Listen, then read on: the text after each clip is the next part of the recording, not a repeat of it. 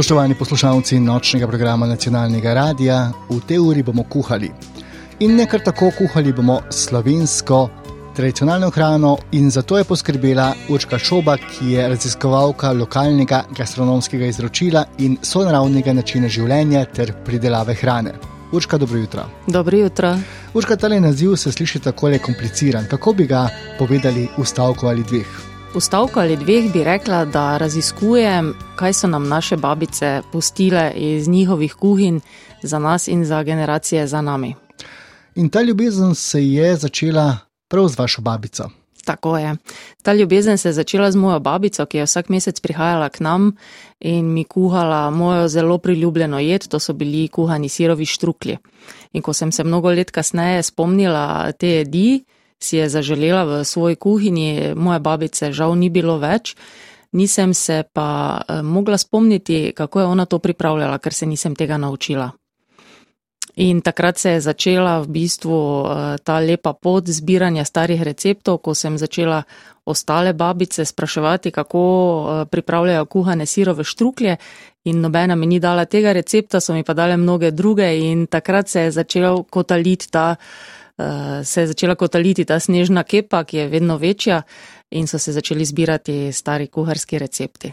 Ja, stari recepti so vaša ljubezen. Eh, lahko rečemo tudi, da je to nekako kulinarična zgodovina zbrana v knjigi, ki je zdaj dobila fizično obliko, vse skupaj pa se je začelo leta 2017 eh, s pomočjo spleta. Tako je. Leta 2017 sem naredila spletno stran ababi.si, kjer sem začela objavljati eh, zbrane in preizkušene recepte ko se je po nekem času dosti teh receptov nabralo, sem ugotovila, da je čas, da izdam kuharsko knjigo, ki bo ostala, tudi če kdaj ne bomo imeli elektrike, bo ostala eh, na naši mizi, na naši polici tudi za naslednje generacije. Mhm. Kako se je tole začelo z zbiranjem receptov? Začelo se je tako, da sem v bistvu kar brez filtra spraševala, Vse starejše gospe, ki sem jih srečala, tudi na šoli mojega otroka, na raznih prireditvah, če sem slučajno v gledališču sedela zraven kakšne starejše gospe, eh, sem jo potipala, vem, da se enkrat to zgodilo in sem pač vprašala, če slučajno eh, ve, eh, kako se skuhajo sirovi štruklji. Tako da, kjerkoli sem imela stik s starejšimi občankami in občani, sem eh, vedno izkoristila to priložnost in sem jih povprašala po starih receptih. Ker govorijo o starih receptih, ste tudi uh, starinsko vse skupaj pisali, svinčnikom in beležko. Prisegam na, na klasiko in uh, sem imela v torbici vedno beležko in svinčnik, včasih pa na mesto svinčnika kulico, in ker pač pri meni v glavi bolj ostane, če zapišem na list papirja in tako sem tudi vse te recepte pisala hitro eh, na čisto klasičen način. Ste se osredotočili na določene kategorije jedi? Vse po vrsti sem zapisovala, ker sem bila hvaležna za čisto vsak kamenček, ki je bil potreben, da se je začel ta mozaik sestavljati. Eh, tako da nisem rekla, ah, ne, to pa me ne zanima, ampak karkoli so bili ljudje pripravljeni deliti z menoj, sem res zelo, zelo hvaležno sprejela. Lahko rečeva, da s temi zapisanimi recepti, ki bi drugače šli v pozabo, tudi vi pišete zgodovino. Mogoče bi res lahko tako rekli, mi je sicer to zdaj taki veliki stavek oziroma taka velika izjava, ker uh, se mi še vedno zdi, da po eni strani ne delam nič takega, ampak po drugi strani, ko pa zdaj že dobivam odzive ljudi, ki so zelo hvaležni in uh, uh, so v bistvu vsi zelo pozitivni, se mi pa zdi, da mogoče pa bom s tem prispevala eno pikico k temu, da se bo en del kulinarične zgodovine zapisal. Kakšen je pravzaprav odziv teh uh, starejših babic in detkov, ko jih takole poprosite za njihov recept jedi, ki so jo takrat pripravljali ali pa ki so jo radi jedli, ki so jo pripravljali njihovi starši, babice in tako dalje, pa zdaj le tole širite v sedanji čas? Eh, njihov odziv je zelo, zelo prijeten. Zelo veseli so, ko vidijo, da eh, mlajše generacije, čeprav sem 46, nisem več med mlajšimi, ampak za njih sem mlajša generacija, ko vidijo, da nas to zanima in mi zato z veseljem pomagajo. Se najde tu in tam, ampak to je res ena na sto, kakšna babica, ki reče ne, to je pa naš družinski recept in je skrivnost in ne izdam, ampak tudi to spoštujem in cenim, ker sem vesela za tisto družino, da ima en zaklad, ki gre po njihovi liniji dalje. Včasih so bile jedi zelo enostavne, tudi ni bilo toliko sestavin in eh, le te opisujete v svoji prvi knjigi. Tako je, v, v svoji prvi knjigi, ki ima isti naslov kot cel projekt, ej, babi, tega mi pa nisi pokazala, eh, so zbrani ravno recepti, ki ne potrebujejo velikih eh, nakupovalnih košaric, ki veliko krat pomenijo samo to, da gremo ali v svojo klet, shrambo ali pa do sosednjega pridelovalca zelenjave in sadja in eh, tako nabavimo vse, kar potrebujemo v svoji kuhinji, da to pripravimo. Ko smo ravno pri teh receptih, eh, nam boste kakšnega zaupali? Ja, z veseljem. Za začetek bi vam eh, zaupala recept za torto iz črnega kruha. Zelo je dobra, zelo enostavna in se mi zdi, da je prav, da se jo v vsakem gospodinstvu naučimo pripravljati, ker je v osnovi nič posebnega, potem pa zelo preseneti s polnim okusom in sočnostjo. Potrebujemo najprej te sestavine, ki jih bom naštela in sicer to je 230 g sladkorja, 6 jajc, 280 g mletih mandljev ali orehov ali lešnikov, karkoli od tega imamo, 100 g drobtin črnega kruha, namočenih v rumu, eno čajno žličko cimeta, pol čajne žličke klinčkov, lupinico polovice limone, po želji eni ne marajo tega okusa. Za preliv pa potrebujemo 300 g temne čokolade in 150 g sladke smetane. Postopek pa je zelo enostaven. Rumenjake in beljake ločimo, rumenjake zmešamo s sladkorjem, dokler se ne raztopi, na to pa dodamo mlete mandlje, drobtine, cimet, klinčke, limonovo lupinico in premešamo. Stepemo sneg iz šestih beljakov in ga nežno umešamo v rumeno testo. Prelijemo v model za torte, premera 26 ali 28 cm in pečemo približno 30 minut na 180 stopinj Celzija. In tako kot vedno preverimo z ovotrebcem ali z noževo konico, če je biskvit pečen. Čokolado in smetano na to stopimo na parni kopeli in prelijemo čez ohlajeni biskvit. In če želimo, lahko ohlajeni biskvit prerežemo namažemo še z marmelado in šele na to prelijemo s čokoladnim prelivom. In to je to, to je vsa umetnost. Naša nočna gostja je Urška Šoba, ki je pred nekaj dnevi izdala knjigo starih receptov, ki jih je zbirala s pomočjo detkov in babic. In Urška, tale akcija se je začela pravzaprav tudi medijsko, zelo odmevno, radijsko. Tako je, ta akcija je uh, najbolj poskočila takrat, ko uh, so me na Radio Maribor zelo prijazno gostili sedem dolgih tednov, rekordnih, uh, v jutranji oddaji pri gospe Jasmini Bauman, uh, kjer smo zbirali recepte tako, da so poslušalci ali klicali v oddajo ali uh, potem pošiljali po mailu ali na naslov RTV-ja ali k meni domov in smo takrat zbrali res zelo veliko receptov, ki sem jih na to lahko tudi uporabila v knjigi. Kako je bilo tako le na začetku stopiti iz sence pred radijski mikrofon? Je bilo kaj treme? O ja, to je bilo grozno. Bilo je tako, kot da bi šla umret. In zdaj se sicer smejim, ampak takrat prav prvič eh, so se mi noge tresle, glas seveda tudi, tako da nisem bila sposobna kaj dosti govoriti, ampak potem s časoma sem se pač privadila, ker sem ugotovila, da če bom skozi stala v senci in čakala, se v bistvu ne bo nič zgodilo. Tako pa se je moj glas slišal kar na malo več koncev. Torej, vaja dela mojstrico in uh, to drži, kar lahko naši poslušalci slišijo tudi danes v tem nočnem klepetu. Sicer pa je radio tisti, ki je slišen v današnjem času tudi preko spleta in tako se je tale glas iz regionalnega prostora Štajerske, kjer je slišen radio Maribor, zaslišal tudi širom Slovenije in tudi izven meja. Tako. Tudi iz drugih koncev Slovenije so me kontaktirali, eh, iz goriškega konca, iz gorenskega in želeli deliti recepte z menoj, tako da eh, tukaj se je videlo, da radio še vedno seže zelo, zelo daleč. No, pa tudi televizija vam je bila tako znana, tudi sodelovka Eva Stavbar je bila tista, ki vas je tako popeljala v svet televizijskih kamer in nastopanja. Ja, res je. Eva Stavbar je bila eh, tako prijazna, da me je povabila v oddajo Dobro jutro na Sloveniji 1 tudi tam sem imela zelo velike eh, težave s tremo, ampak me je tako lepo potolažila, tik preden sem stopila pred kamere in rekla, gledaj, eh, babica bi bila zelo ponosna zdaj na tebe, da se tako trudiš in da boš to naredila. In mi je v bistvu dala s tem nov zagon in moč v moje noge, da sem lahko stopila naprej.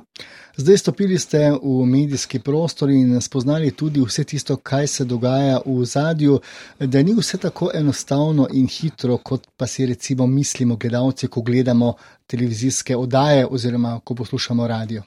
Ne, zadaj je res en kup organizacije, en kup predanih ljudi, ki se dnevno trudijo za to, da eh, do nas poslušalcev in gledalcev pridejo zelo zanimive vsebine, nepristranske in eh, do potankosti izdelane. In en kup eh, dela in priprav, tudi degustacije je bilo, da ste izmed teh nekaj več kot 2000 receptov, ki ste jih prejeli, izbrali tistih 132, ki so prišli v tole prvo vašo knjigo. Ja, bilo je potrebnega, bomo rekli, kar nekaj testiranja, zato ker vsi niso sprve uspeli. Potrebne so bile prilagoditve na sestavine v današnjem času, ker že moka je drugačna danes, kot je bila pred sto leti in tisti, ki se veliko ukvarjajo z moko, vejo, da različne moke eh, različno pijejo vodo in pač take prilagoditve so bile potrebne, ampak to je bil čisti užitek, ki pa je vzel kar nekaj časa. No, ampak a je vaša družina in vaši znanci preizkusila vseh teh 2000 nekaj receptov, oziroma kako ste izbrali teh 132, ki so v knjigi? Zbrala sem jih eh, čisto po občutku. Najprej sem želela tako sistematično se tega lotiti, ampak eh, bi mi vzelo preveč časa oziroma, ko sem delala po enem sistemu, je bilo v bistvu to izbiranje brez duše. Mhm. Zato sem dala tako logično Eh, sistematiziranje na strani in sem začela izbirati po srcu in po enem občutku, kaj je tisto, kar nas spominja še na naše otroštvo. In potem vseh teh 132 receptov je pa moja družina preizkusila in so bili zelo, zelo zadovoljni, ker najprej so sicer mislili, da bodo eh, preizkušali ene take nička okusne jedi, stare, brez eh, neke globine, ampak eh, je sledilo kar veliko presenečenje, ker čisto vsaka jed, ki sem jo postavila na mizo, je bila zelo, zelo okusna. Kaj pa sama priprava? Eh, priprava je zelo enostavna in tudi, ko sem testirala te recepte, je bilo zelo enostavno, ampak ker je bilo pač tega veliko, je zahtevalo to neka organizacija, da nismo v enem dnevu pojedli 20 eh, jedi, ker bi počli, pa potem tudi ne bi uživali v hrani, ampak smo si razdelili tako malo bolj na vikende, eh, da smo skupaj z otrokovo babico in detkom ene jedi skupaj pripravili in jih potem vse skupaj pojedli. Ste tudi včeraj eh, Brina in mož Marko imela besedo pri tem, katere jedi bodo v knjigi? Ne, Tukaj pa si je mama vzela svojo pravico, da naredi čisto po svojem občutku in sta me pri tem res maksimalno podprla. Dobili ste knjige, dobili ste tudi rokopise, dobili ste elektronsko pošto, dobili ste pisma. Zagotovo je bilo zanimivo vse skupaj prebirati, tudi včasih morda kakšno besedo ali dve razvozlati, da je potem uspelo tako, kot je. Ja, jaz eh, sem odnegdaj bomo rekli, nora na zgodovino in so me vse zgodovinske stvari vedno zelo zanimale. In ko sem dobila te stare rokopise in uh, razvozlavala stare izjave za težo, za lonce, za same jedi, so ena imena taka prav posebna. V tem sem tako zelo uživala, da se ne spomnim v bistvu na zadnje, kdaj sem v takem raziskovanju dala toliko srca in veselja noter. Ste morda tudi te, ki so vam pošiljali, kontaktirali jih, kaj povprašali? Eno gospo sem, oziroma z dvema gospema sem uh, imela to možnost, da to naredim, z ostalimi pa ne, ker nisem imela kontaktov. Tako da zdaj vem za obodoče, da si vzamem kontakte od teh, ki mi kaj pošljajo, da jih uh, lahko potem še naknadno mogoče kaj povprašam. Ampak ali ni to zanimivo, da ljudje del svoje zgodovine, del svojega poslanstva predajo tuje osebi in jih tako zaupajo, da bo to širila potem naprej na sedanje, pa tudi na nove rodove? Je neko zaupanje, neka toplina. Ne? Je, zelo, zelo zanimivo je to, oziroma še bolj kot zanimivo je eh, bilo meni to, da v bistvu me je vse to presenetilo, ker si nisem mislila, da bodo eh, toliko eh, zaupanja in te vere položili v mene, pa so jo in mislim, da zaradi tega, ker so začutili, da to delam srcem, ker zadaj ni bil. Eh, Ni bila nobena misel na profit in na marketing in na na te, bomo rekli, na številke. Ne, bila je samo misel, dajmo čim več zbrati, narediti v eno, uh, tako, v eno celoto in predati naprej naslednjim generacijam. Zdaj, vi ste tole že počeli pred eh, tole knjigo v spletni obliki, pa vendarle je povsem drugače držati tiskano knjigo v rokah in videti te recepte, kot pa recimo pogledati vse skupaj s klikom na splet. Res je. Eh, pogledati na splet je sicer super praktično, ampak eh, kljub temu, da živimo v svetu digitalizacije, kjer je vse res na dosegu roke, še vedno ljudje zelo, zelo radi posežemo po knjigi. In ko sem se pogovarjala z eno mlajšo gospodično, je rekla, joj, sem mislila, da ta knjiga bo pa kar nekaj, da bo brez veze, ker smo vsi tak na telefonih in na računalnikih, ampak zdaj, ko držim v roki, vidim, da to je to. -huh. Tako da še mlajši eh, se zdaj spet, seveda oni so, eni vedno berejo knjige, ampak še tisti, ko so do zdaj prisegali na to, da kar pobrskajo po telefonu, z veseljem vzamejo knjigo v roke. In s tem eh, ti recepti babec in detkov iz eh, zgodovine dobivajo nove uporabnike in živijo v sedanjosti, ter gredo naprej z novimi generacijami tudi v prihodnost. Ja, kako lepo ste vi to povedali. Točno to je cilj celega tega projekta. Bova spet kakšen recept izdala pred glasbo?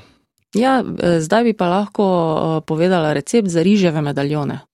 Za riževe medaljone pa potrebujemo zelo enostavne sestavine, ki jih imamo običajno vedno doma. To je 100 g okroglo zrnatega riža, pol litra mleka, 3 ščepce soli, 40 g nastrganega sira, lahko je to kak staran sir, eno jajce, drobtine in maščobo. Opran riž stresemo v lonec, zalijemo z mlekom, solimo in kuhamo 18 do 20 minut, odvisno od vrste riža, to pogledamo na škatlo ali na vrečko. E, glavno je, da na koncu kuhanja dobimo mehki riž. Še vročemu primešamo sir in to mešanico namažemo na en centimeter debelo e, ali na marmorno ploščo ali na mokro desko, karkoli imamo doma pustimo, da se ohladi in strdi, na to pa izrezujemo pravokotnike, ki jih oblikujemo v medaljončke in sproti povaljamo najprej v jajcu in na to še v drobtinah. Spečemo v ponvi na manjši količini vroče maščobe. In to je to, in že imamo res slastno ali glavno jed ali prilogo. Naša nočna gost je Urška Šobak, ki svojo novo knjigo skrbi, da jedi naših detkov in babic ne bodo šle v pozabo. In Urška knjiga je nastajala dve leti, 132 receptov, ki so zelo preprosti in tudi odlično opremljeni s fotografijami, vse to je delo vas. Zakaj ste se odločili, da boste vse skupaj izdali v samozaložbi, oziroma da bo to vaš v navedkih dojenček? E, za samozaložbo sem se odločila zato, ker sem res želela, da bo ta knjiga, e, da bodo v njej recepti, ki se mi bodo zdeli tisti, ki nas najbolj spominjajo na otroštvo, ali tisti, ki, za katere najbolj grozi, da bi bili pozabljeni ker nisem želela, da bi mi nekdo, ki sploh ni sodeloval pri tem projektu, se pravi nekdo zunanje, rekel, a veš kaj, ne, ta recept pa res ne pa še noter, to da je ven. Uh, meni bi se pa zdelo, da ravno ta mora biti, ker če ga damo še zdaj iz knjige ven, uh, bo dokončno pozabljen. Če bi imela te zunanje vplive, uh, se tam moj otrok, ker govorim, da je knjiga moj otrok, ker se točno tako počutim, eh, ne bi mogel priti ven v taki obliki, kot je prišel, res čisto od mene in čisto iz mojega srca izlit. Razdeljena je na pet poglavij. Tako, knjiga je razdeljena na pet poglavij. So mogoče malo uh, nekonvencionalna poglavja, ampak tako se mi je zazdelo, da spadajo v naš prostor in so tako tudi pristala v knjigi. Prvo poglavje je nekaj za prigrizniti, drugo poglavje so eh, juhe in enolončnice, Tretje poglavje so glavne jedi in priloge, četrto poglavje so seveda sladice, brez njih ne gre. Eh, peto poglavje pa je iz babičine skrinje znanja. No, sej, tole mi je bilo zanimivo in to je zagotovo zanimivo tudi našim poslušalcem, kaj se skriva v tej skrinji oziroma v tem poglavju. V tem poglavju se skriva recept za zadnja leta vedno bolj priljubljen uh, kruh z drožmi, res do potankosti razložen, na dolgi in na uh, krajši način. Skriva se recept za shranjevanje jajc za zimo, kar so včasih delali. Uh, tukaj je tudi recept za domačo skuto, za domači sir. To so take enostavne stvari, ki je pa fajn, da jih vemo, da se ohranjajo in da grejo naprej. Vse skupaj ste tudi sami opremili z odličnimi fotografijami. O, hvala lepa za odlično. Uh, ja, sama sem opremila s fotografijami, to pa tudi zato, ker rada fotografiram in ker sem lahko to delala v tistem uh, svojem ustvarjalnem uh, zanosu, ko sem dobila jed, ki je bila točno takega izgleda, kot je morala biti, sem jo lahko kar sama pofotografirala. In potem ste jo pojedli skupaj z vašo družino. Seveda, vse smo pojedli.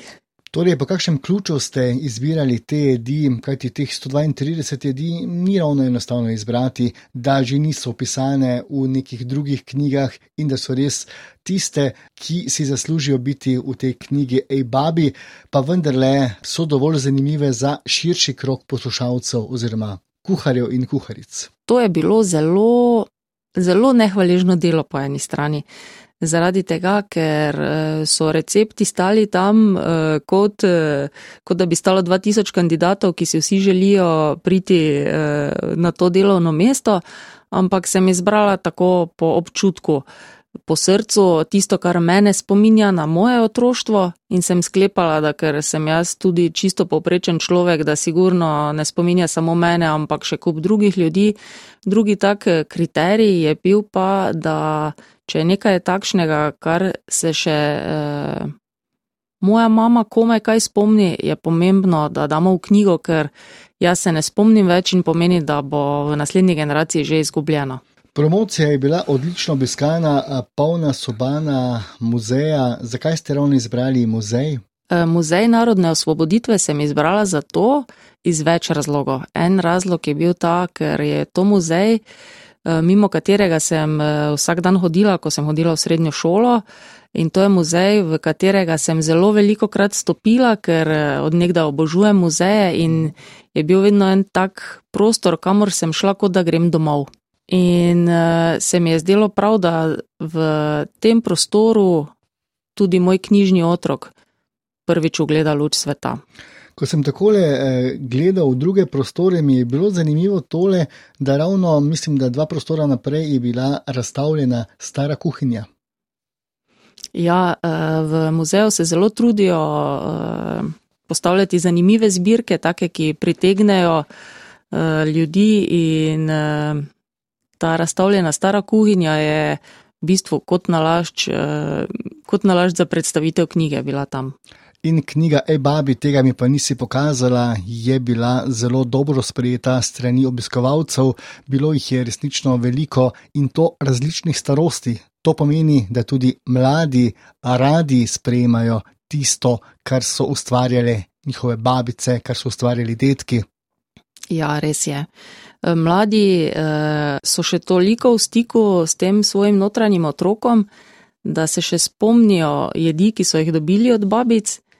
Eh, hkrati pa se že zavedajo, da so vse stvari minljive in da je potrebno svoje spomine iz otroštva shraniti tako, da jih bodo še čez 30 let lahko potegnili ven.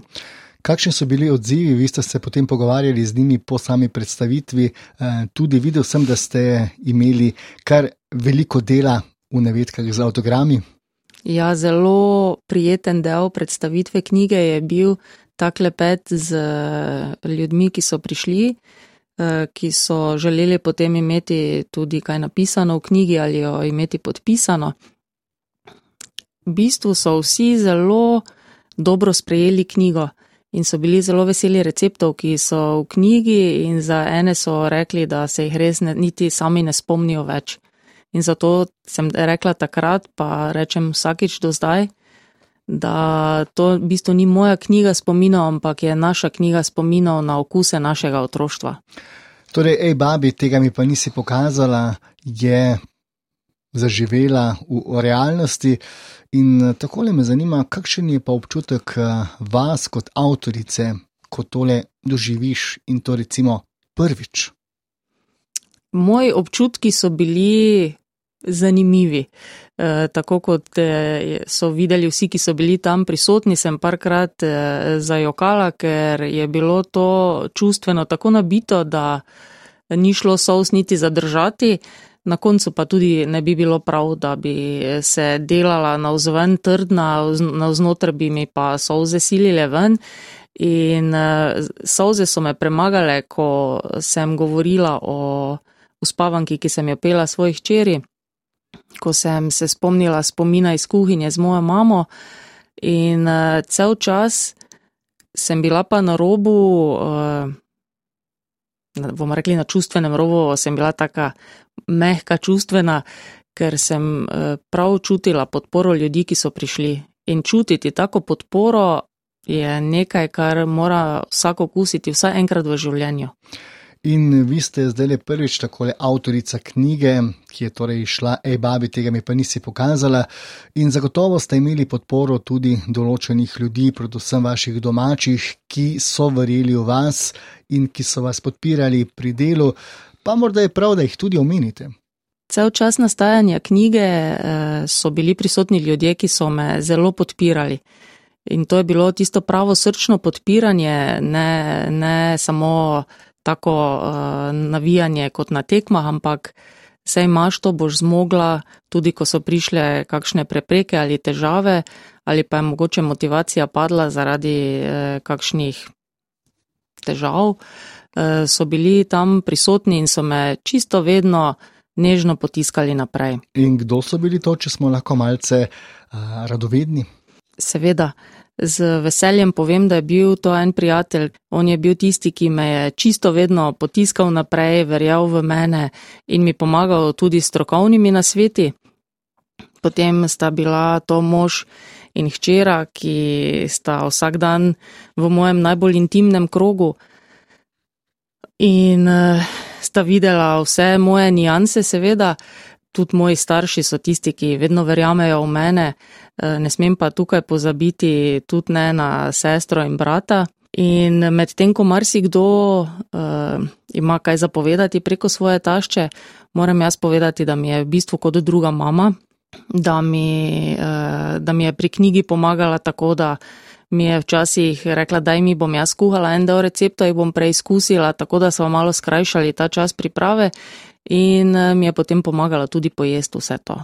Je bila pa cel čas eh, projekta prisotna še ena oseba, ki me spremlja že res vrsto let. In vsakič, ko sem prišla do velikih eh, preprek, do resničnih težav, je bila vsakič tam na razpolago za mene in mi pomagala z nasveti, strokovnimi nasveti. In to je Agata Kopač, ki čisto vsakič, ko je človek v temi, mu pomaga in reče: Glej, tam se prižge luč, daj še dva koraka naprej, daj še malo in je tisti pravi eh, motivator, pravi trener, ki eh, ne bo delal stvari na mesto tebe, ampak te bo vsakič spodbudil, da narediš še en korak naprej in se še enkrat potrudiš izven cone svojega obdobja. Urška, vaša knjiga je zdaj stara dva tedna in zagotovo je naši poslušalci, ki jih zdaj že zanima, um, ki bi radi kaj skuhali tudi svojim domačim ali pa samo sami preizkusili kakšen star recept, uh, lahko najdejo tudi preko spleta, uh, preko vaše spletne strani, ki ima iste naslov kot knjiga. Tako, e, najdejo lahko na spletni strani ababi.si, ker že na naslovni strani kliknejo in jih pelje do opisa knjige in kako je knjiga nastajala. To je vaša prva knjiga, ampak ker ste dejali, da ste izbrali več kot 2000 receptov, eh, zagotovo številni še čakajo na kakšno drugo, tretjo, peto, deseto različico knjige. Ne? Torej, nekako predvidevam, da se bo nadaljevala ta bera starih receptov, ki bodo zaživeli v sedanjem času in ki bodo za prihodne rodove še kako koristni. Zdaj, po tej predstavitvi, sem ugotovila tudi jaz, da se bo nadaljevala. Najprej sem mislila, dobro, dajmo to eno knjigo ven, eh, te recepte, pa, eh, pa odkljukajmo to, porihtano je, ampak ko sem zdaj videla odziv ljudi, eh, sem pa ugotovila, da res ne smejo stati samo pri tej eni knjigi. No, lahko pa vam naši poslušalci še vedno pošljajo svoje recepte, svojih babic, detkov, prababic, pradetkov, ne? Še vedno, še vedno sem zelo vesela in hvaležna za čisto vsak recept, ki ga dobim. Tako da, če bo kdo zdaj našel v svojem predalu, eh, tudi če mi ne želi poslati originala, mi lahko samo slika toliko, da jaz dobim to vsebino in da gre v ta eh, dragocen koš starih receptov. Najbolj enostavno je, če grejo na spletno stran ebabi.si in so spodaj čisto vsi moji podatki in e-mail naslov, telefonska in um, stacionarni naslov.